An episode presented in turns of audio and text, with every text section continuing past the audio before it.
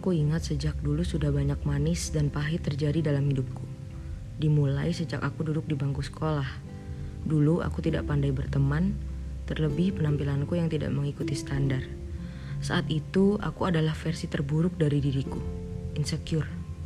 Terlalu polos, boring menjadi titik lemahku. Dicerca, dimanfaatkan, dan dijauhi menjadi ingatan buruk yang selalu ingin kuhapus.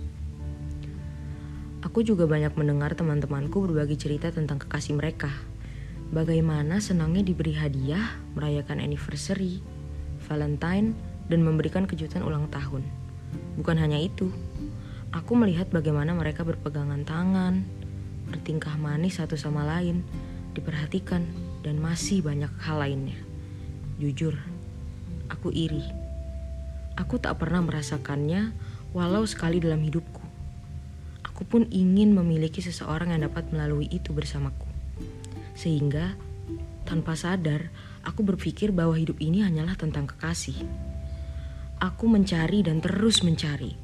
Aku memang tipe yang pemberani. Pernah aku menyukai teman kelasku.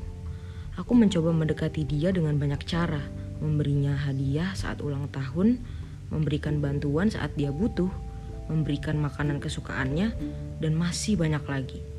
Hingga suatu ketika, aku memutuskan untuk berterus terang padanya. Dan tanpa berbasa-basi, aku mencari waktu dan tempat untuk menyatakannya. Namun hasilnya kurang baik. Dari kejadian itu, aku memutuskan untuk menunggu kesempatan itu datang padaku. Pernah aku mencintai seseorang dalam diam, berharap hanya dengan kesunyian ini ia dapat menyadarinya. Tetapi aku terlalu bodoh. Jika mengejar saja sulit, apalagi yang hanya diam. Cinta dalam diam memang cukup menyiksa. Tetapi dalam diam, aku tidak mendapat penolakan dalam diam, aku bisa lanjut mencintainya selama mungkin yang ku mau. Pengalaman-pengalaman itu membuatku jatuh dan mengira bahwa aku tidak diinginkan oleh siapa pun.